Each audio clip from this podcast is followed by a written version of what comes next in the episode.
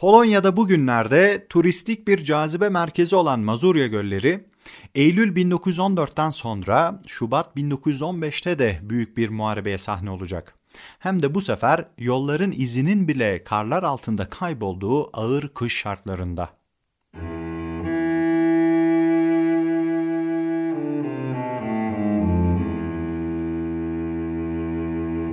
Merhabalar, ben Civan Avcı. Birinci Dünya Savaşı podcast serisinin 36. bölümüne hoş geldiniz. Bu bölümde sizlere Almanlarla Ruslar arasında geçen 2. Mazurya Gölleri Muharebesi'ni anlatacağım. Almanların Rusları Doğu Prusya'dan bu sefer ebediyen kovacağı bu muharebenin detaylarına geçmeden önce isterseniz Doğu Prusya'daki son durumu kısaca bir hatırlayalım. Almanlar Tannenberg'deki ezici galibiyetlerinden sonra Doğu Prusya'daki yarım kalan hesabı kapatmak amacıyla 2 Eylül 1914'te Mazurya göllerinden bir taarruz daha başlatmış ve bölgedeki Rus 1. ordusunu güneyden kuşatmaya çalışmıştı. Alman General François'nın başını çektiği bu kuşatma hamlesi tam da istenildiği gibi gerçekleşmemiş, 300 bin mevcutlu Rus ordusu tam 150 bin kayıp vermesine rağmen geri çekilmeyi başarmıştı. Almanlar 16 Eylül'de son bulan bu muharebeden sonra Rusları doğuya doğru bir müddet daha kovalamış fakat akabinde gerçekleşen Rus karşı taarruzuyla cephe dengelenmişti. Savaşın bu bölgede durulmasından sonra Almanlar için Doğu cephesinin odak noktası Doğu Prusya'dan Polonya'ya ve Galicia'ya kaymış ve sonrasında geçtiğimiz bölümlerde anlattığımız Varşova, Vistül Nehri, Woods, Krakow ve Karpat muharebeleri gerçekleşmiş fakat bu muharebelerden de savaşı bitirici bir sonuç elde edilememişti. Evet, gelelim akabinde neler olduğuna. Doğu cephesinin şimdiye kadar birçok kez dile getirdiğimiz üç ana mıntıkası vardır. Galicia, Polonya ve Doğu Prusya. Bunlardan Galicia'nın bir Avusturya Macaristan meselesi olduğunu, Polonya'nın ortaklaşa gerçekleştirilen operasyonlar için bir savaş alanı olduğunu ve Doğu Prusya'nın ise daha çok bir Alman meselesi olduğunu söylemek çok da yanlış olmaz. Nitekim Doğu Prusya birçok Alman komutanının da memleketi konumunda olduğu için kazanılan iki büyük zafere rağmen bölgede hala tam olarak bitirilemeyen Rus varlığı Almanları rahatsız ediyor ve bu duruma bir çözüm aranıyor. Almanların Doğu Cephesi komutanları Hindenburg ve Ludendorff, bölgede gerçekleştirilecek bir harekat için Genelkurmay Başkanı Falkenhayn'dan takviye istiyor. O sıralar bildiğimiz üzere Falkenhayn'dan Batı cephesinden Doğu cephesine takviye istemek, Falkenhayn'ın canını istemek gibi bir şeydir. Yani Almanların başkomutanı kolay kolay ikna olmayacaktır. Hindenburg ve Ludendorff bu iş için adeta bin dereden su getiriyor. Kazanılacak zafer sonucunda Ruslara çok ağır bir darbe indirileceğini vaat eden komutanlar, takviye birliklerin kısa sürecek bu harekattan hemen sonra Batı cephesine sağ salim iade edileceğinin garantisini veriyor. Bu çekişmeye bakacak olursak Ludendorff'un savaş boyunca Falkenhayn'dan neden bu kadar nefret ettiğini anlamak güç değildir. Nitekim Falkenhayn bir şekilde ikna oluyor ve Batı cephesini inceltmeyi göze alarak dört kolorduyu doğuya gönderilmek üzere trenlere bindiriyor. Fakat bu birlikleri söz verildiği üzere işleri bitince geri almak koşuluyla. Hamburg'dan trenlere bindirilen bu askerlere gizlilik esasına göre nereye gidecekleri söylenmiyor. Uzun bir yolculuğun ardından Polonya'ya ulaşan bu dört kolordu 10. Ordu adı altında birleştirilerek derhal Doğu Prusya'daki Mazurya göllerine gönderiliyor ve bölgede halihazırda bulunan Alman 8. ordusunun kuzeyine yerleştiriliyor. Bu iki ordunun karşısındaysa Rusların 10. ordusu bulunuyor. Ruslar açıkçası bu duruma fazla uyanmıyor ve karşılarında hala Alman 8. ordusundan başka bir ordunun daha bulunduğunu fark etmiyor. Çünkü yeni oluşturulan Alman 10. ordusu bölgedeki ormanlık alanlara saklanıyor. Plana göre Almanlar 8. orduyla cepheden ve güneyden taarruz edecek ve 10. orduyla Rusları kuzeyden çevirecektir. Böylelikle kıskaca alınan Ruslar yok edilecek ve cephe Doğu Prusya'dan bugünkü Litvanya'nın olduğu bölgeye taşınacaktır. Almanlar saldırı hazırlığı yaparken aslında Ruslar da kendilerine göre Doğu Prusya'dan bir harekat planlıyor. Savaşın bu safhasında artık taarruz planlarının senkronize olmaya başladığından geçtiğimiz bölümde bahsetmiştik. Geçen birkaç ay içinde Polonya'dan ve Galicia'dan net bir sonuç alamayan Ruslar düşmanını Doğu Prusya'dan vurmaya hazırlanıyor. Fakat bunun için yeterli mühimmatı olmayan Çar'ın ordusu işleri biraz ağırdan alıyor ve şimdilik Almanları kışkırtacak bir hamle yapmaktan kaçınıyor. Örneğin cephenin bir noktasında şöyle bir hadise yaşanıyor. Doğu cephesinin ortalarında bir yerde Almanlarla sınırı teşkil eden Pilika adında bir nehrin soğuyan hava sebebiyle donma riski oluşuyor. Şayet nehir donarsa Almanlar bu doğal engeli yürüyerek aşacak ve Ruslara taarruz edecektir. Ruslar bu nehir donmasın diye nehrin daha durgun akmasına yol açan barajlardan birini patlatma kararı alıyor.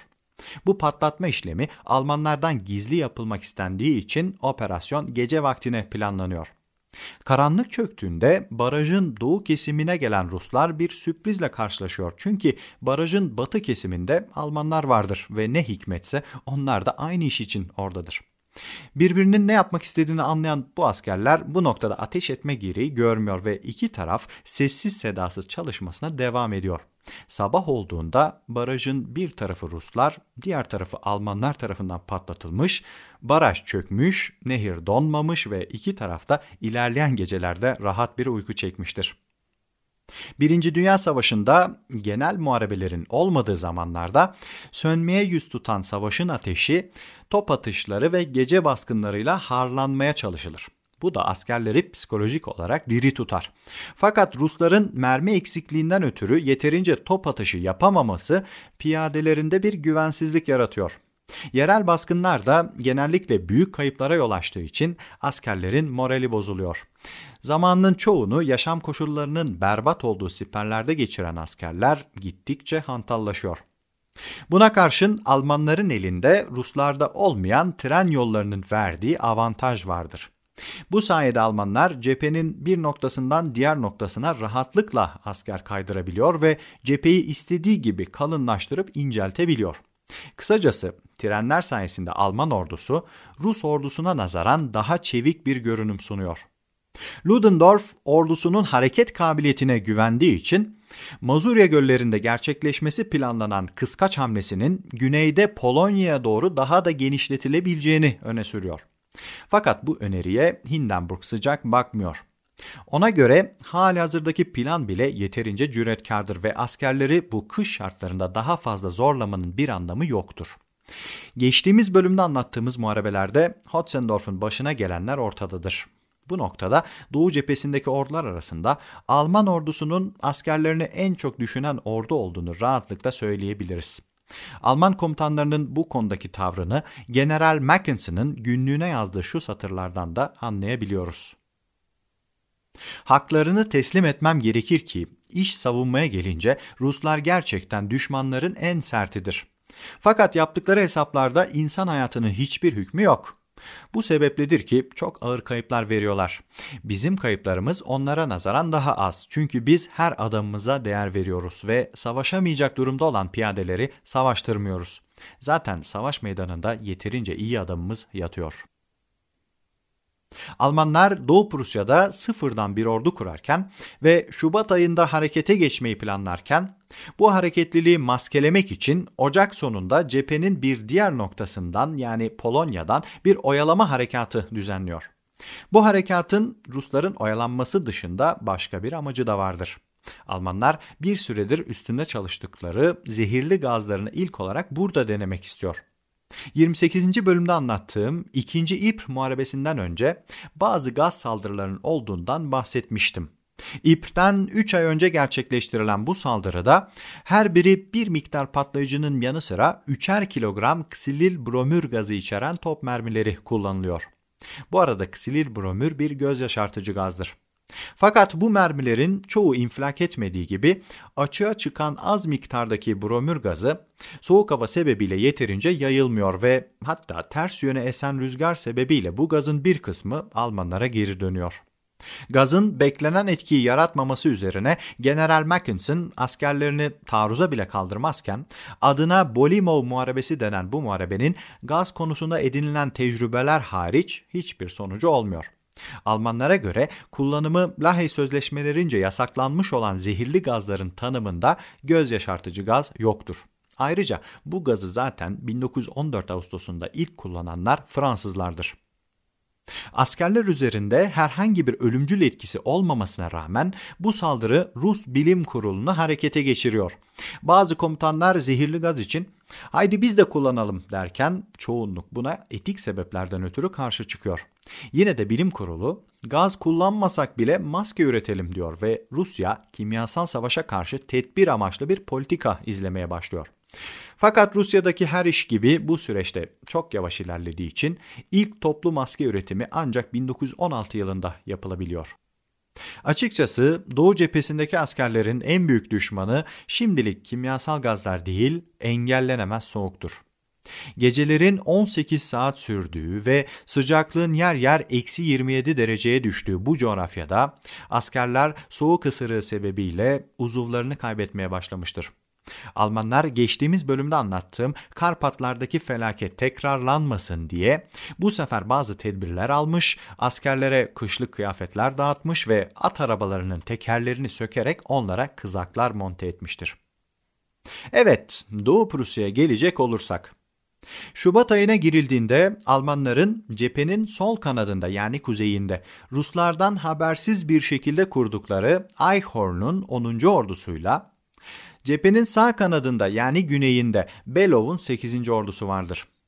Kıskacın güneyini oluşturacak 8. ordunun bünyesinde ise Woods Muharebesi'ndeki üstün performansıyla hatırladığımız Litzmann da vardır. Ve Alman komutan bir kol ordusuyla operasyonun asıl vurucu gücü olarak görülmektedir. Almanlar bu muharebeden yine önceki muharebelerde de olduğu gibi Tannenberg tarzı bir zafer beklemektedir.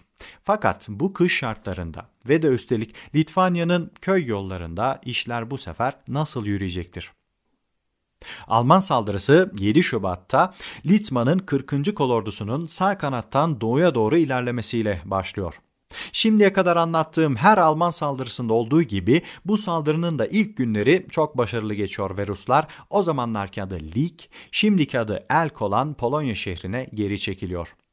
Rusların özellikle bu şehre geri çekilmesinin sebebini haritalara baktığımızda daha net anlıyoruz. Çünkü Elk şehrinin batısı iki büyük gölle kaplıdır ve bu göllerin arasında şehre geçişi sağlayan incecik bir geçit vardır.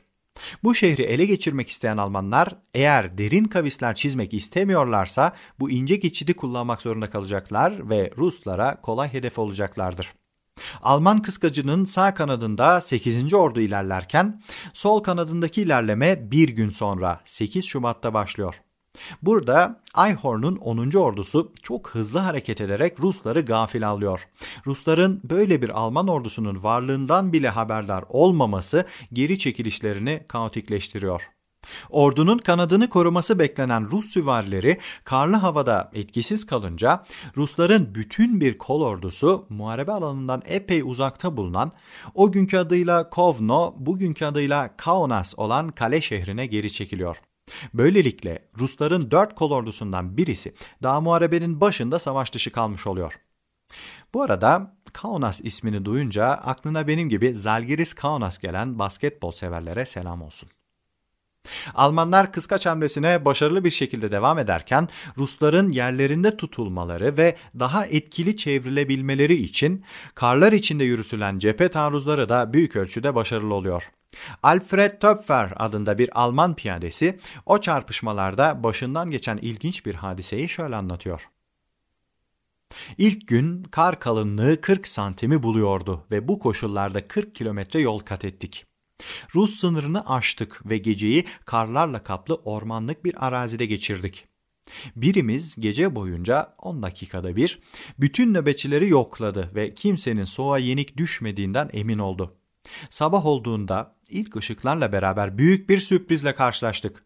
Birkaç metre ötede yüzlerce Rus vardı ve onlar da tıpkı bizim gibi karların içinde uyumuşlardı. Fiziksel olarak bizden daha iri, genç Sibiryalı çocuklardı ve kıyafetleri de bizden daha iyiydi. Doğal olarak iki tarafta şaşkınlığa uğradı.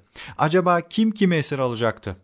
Eller yukarı diye ilk bağıran biz olduk ve sonrasında o güzel botlarınızı bize verin, size balıkçı çizmelerimizi vereceğiz dedik.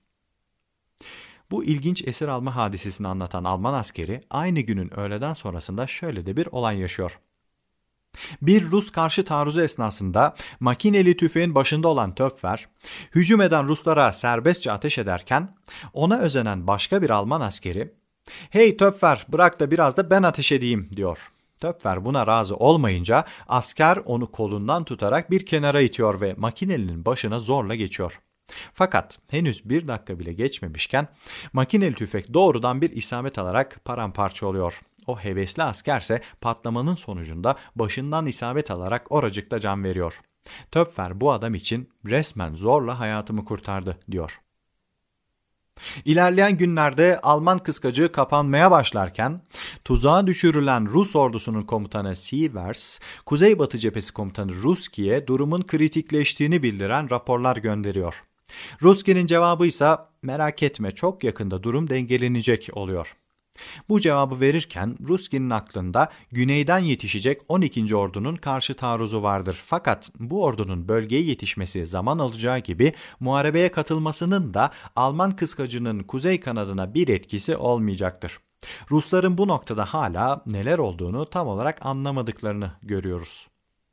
Körü körüne savaşmanın zaten Doğu cephesine özgü bir sorun olduğundan çok önceleri bahsetmiştim. Bunun sebepleri coğrafyanın geniş ve engebeli oluşu, havanın kötü seyretmesi ve uçak sayısının azlığıdır. Birçok noktada keşifler hala süvarilerle yapılmaktadır. Tannenberg'de Rusları ele veren, şifresiz bir şekilde gönderdikleri telsiz sinyalleriydi. Burada Rusların bu hususa dikkat ettiği görülüyor ve Almanlar keşif yapmak için süvarilerine güvenmek zorunda kalıyor. Örneğin kıskacın sağ kanadının başını çeken Litzman, Rusların yerini tespit edebilmek için bir süvari komutanına emir veriyor. Fakat bu emir atların karlarda yavaş hareket etmesiyle yerine getirilemiyor. Litzman yeterince çabalamadığı gerekçesiyle bu komutanı derhal görevden alıyor. Yeni atanan komutanın yaptırdığı keşifler sonucu Litzman, Rus birliklerinin yeterince çevrelenmediğini ve kıskacın henüz kapanmaya hazır olmadığını fark ederek doğuya doğru yürüyüşüne devam ediyor. Bu noktada Alman komutan karşısına çıkan ufak Rus birliklerine saldırmak yerine bu birliklerin etrafından dolanmayı tercih ediyor. Çünkü kıskaç ne kadar büyütülürse o kadar fazla esir alınacaktır. Muharebenin 5. gününde yani 11 Şubat'ta hava iyice kötüleşiyor. Sıcaklık eksi 15 dereceye düşerken tıpkı geçen bölüm Karpatlar'da olduğu gibi doğudan esen kar fırtınaları operasyonları durma noktasına getiriyor. Litzman o kötü havada bir film sahnesini aratmayacak türde bir anısını şöyle anlatıyor. Kar fırtınasının şiddeti bizi yolun kenarında bulduğumuz bir hana sığınmaya itti. Dışarıda haritalara bakmak imkansızdı. Hanın içi ağır yaralılarla doluydu. Kendimize güç bela küçük bir boş oda bulduk. Odada ayağa sallanan bir masa vardı ve Mengel bir yer haritasını bu masanın üstüne açtı. Fakat komutan raporunu vermeye başlayamadan kapı çaldı. Tümenin papazı Doktor Zeberg, babası bizimle çarpışmış olan ve annesi kazaklar tarafından kaçırılmış olan küçük bir kız çocuğunu bu odada vaftiz etmek için izin istedi. Söylediğine göre daha 8 günlük olan bu bebeğin annesinin yegane isteği buymuş ve bölgede görev yapan evangelik papazı da Ruslar tarafından kaçırılmış. Zeberg'e bu iş için 4 dakika verdim. Bu kısa sürede dışarıda patlayan toplar ve içeride inleyen yaralıların gürültüsü içinde kutsal görev eksiksiz bir şekilde yerine getirildi. Ufaklık benim vaftiz çocuğum oldu ve ona eşimin ve Mengel bir eşinin isimleri olan Clara Alice Yutka isimleri verildi. Havanın gitgide kötüleşmesi ve biriken karın yükselmesiyle Rusların geri çekilişi zorlaştığı gibi Almanların takibi de zorlaşıyor. Fakat bu konuda Rus levazım subayı General Danilov, Almanlar bizim açtığımız yollardan yürüme avantajına sahiplerdi diyor. Almanlar sadece açılan yollardan değil, Rusların geride bırakmak zorunda kaldıkları yiyeceklerden de istifade ettiği için Danilov'un haksız olduğunu söyleyemeyiz. Ruslar bir Tannenberg'in daha yaşanmaması için varını yoğun ortaya koyarken Almanlar da takiplerini o kadar amansızca yürütüyorlar ki bir tümen komutanı ele geçirdikleri bir Rus karargahındaki henüz dağılmamış olan sigara dumanından buranın ancak birkaç saat önce terk edilmiş olduğunu anlıyor. İlerleyen günlerde Almanlar kıskacı daraltmaya başlarken hava bir anda ısınıyor. Eriyen karlar büyük su birikintileri oluştururken Almanların çemberi kapatacakları nihai nokta olan Augustovo şehrinin etrafı bataklığa dönüyor. Fakat bu Almanları biraz yavaşlatsa da binlerce esir almalarının önüne geçmiyor. Bu konuda yine Litzman şöyle aktarıyor. Toprağın hala donmuş olduğu yerlerde eriyen karlar toprağa nüfuz edemediği için büyük lagünler oluştu ve bu lagünlerin ortalarında adalar da vardı. Bu adalardan büyük olan bir tanesine bütün esirleri topladık. Muhafızlarımızın paramparça olan botlarını Rus esirlerinin iyi durumdaki botlarıyla değiştirmelerini görmek keyif vericiydi. Bu en nihayetinde adil bir durumdu. Çünkü cesur adamlarımızın bu botlara trenlerle Almanya'ya gönderilecek olan Rus esirlerinden daha fazla ihtiyacı vardı. Bu arada her ne kadar Rus esirleri için savaş bitmiş olsa da esirlerin trenlere binene kadar daha bir günlük yürüyüşleri vardır ve muhtemelen o güzel botlara hala ihtiyaçları olacaktır. Şubat'ın 3. haftasına girilirken Almanlar nihayet biraz yavaşlıyor ve Ruslar için bir umut ışığı görünüyor. Esir alınan bir Alman subayının üstünden çıkan bir evraktan Ruslar Almanların pozisyonu hakkında fikir sahibi oluyor ve kaçış için yeni güzergahlar seçiliyor. Fakat karların hala kalkmadığı bölgelerde haritalarda görünen yollar gerçekte görünmüyor. Kar kalınlığı o kadar yüksektir ki yolu işaretlemek için dikilmiş olan tahta çubuklar bile görünmez olmuştur. Ruslar özellikle top arabalarını kaçırabilmek için piyadeleri önden gönderiyor ve askerler hem yolların nerede olduğunu buluyor hem de adımlarıyla karı top arabalarının geçebilmesi için düzleştirmeye çalışıyor. Bu meşakkatli geri çekiliş esnasında koca bir Rus kolordusu yolunu kaybederek Almanlar tarafından tamamen kuşatılıyor. Fakat kolordu komutanı Bulgakov biraz da Tannenberg'in getirdiği kuyruk acısıyla teslim olmayı reddederek dövüşmeyi tercih ediyor. Augustovo yakınlarında karlı ormanlarda geçen çatışmalarda Ruslar bir süre direnseler de en sonunda Bulgakov kol ordusundan sağ kalanlarla beraber teslim olmak zorunda kalıyor. Direnmeyi tercih eden bu hamlesiyle Almanların takdirini kazanan Rus komutanının askerlik töresince teslim etmesi gereken kılıcına dokunulmuyor. 7 Şubat'ta başlayıp 21 Şubat'ta son bulan 2. Mazurya Gölleri Muharebesi'nde de zafer şüphesiz Almanların oluyor. Toplamda 4 Rus kolordusunun biri yok edilirken diğerlerine de ağır kayıplar verdiriliyor. Muharebeden sonra Doğu Prusya Ruslardan tamamen temizleniyor ve cephe Litvanya'ya taşınıyor. Almanlar bu muharebede 20 bin civarı bir kayıp verirken Rusların kaybı Rus kaynaklarına göre 80 bin, Alman kaynaklarına göre 150 bin civarında oluyor. Yani bu iki sayının ortalamasını alacak olursak Rus ordusu mevcudunun üçte birini kaybediyor. Fakat yine de bu sonuç bile Hindenburg ve Ludendorff'un Falkenhayn'dan takviye isterken vaat etmiş olduğu kesin sonuçtan uzakta kalıyor.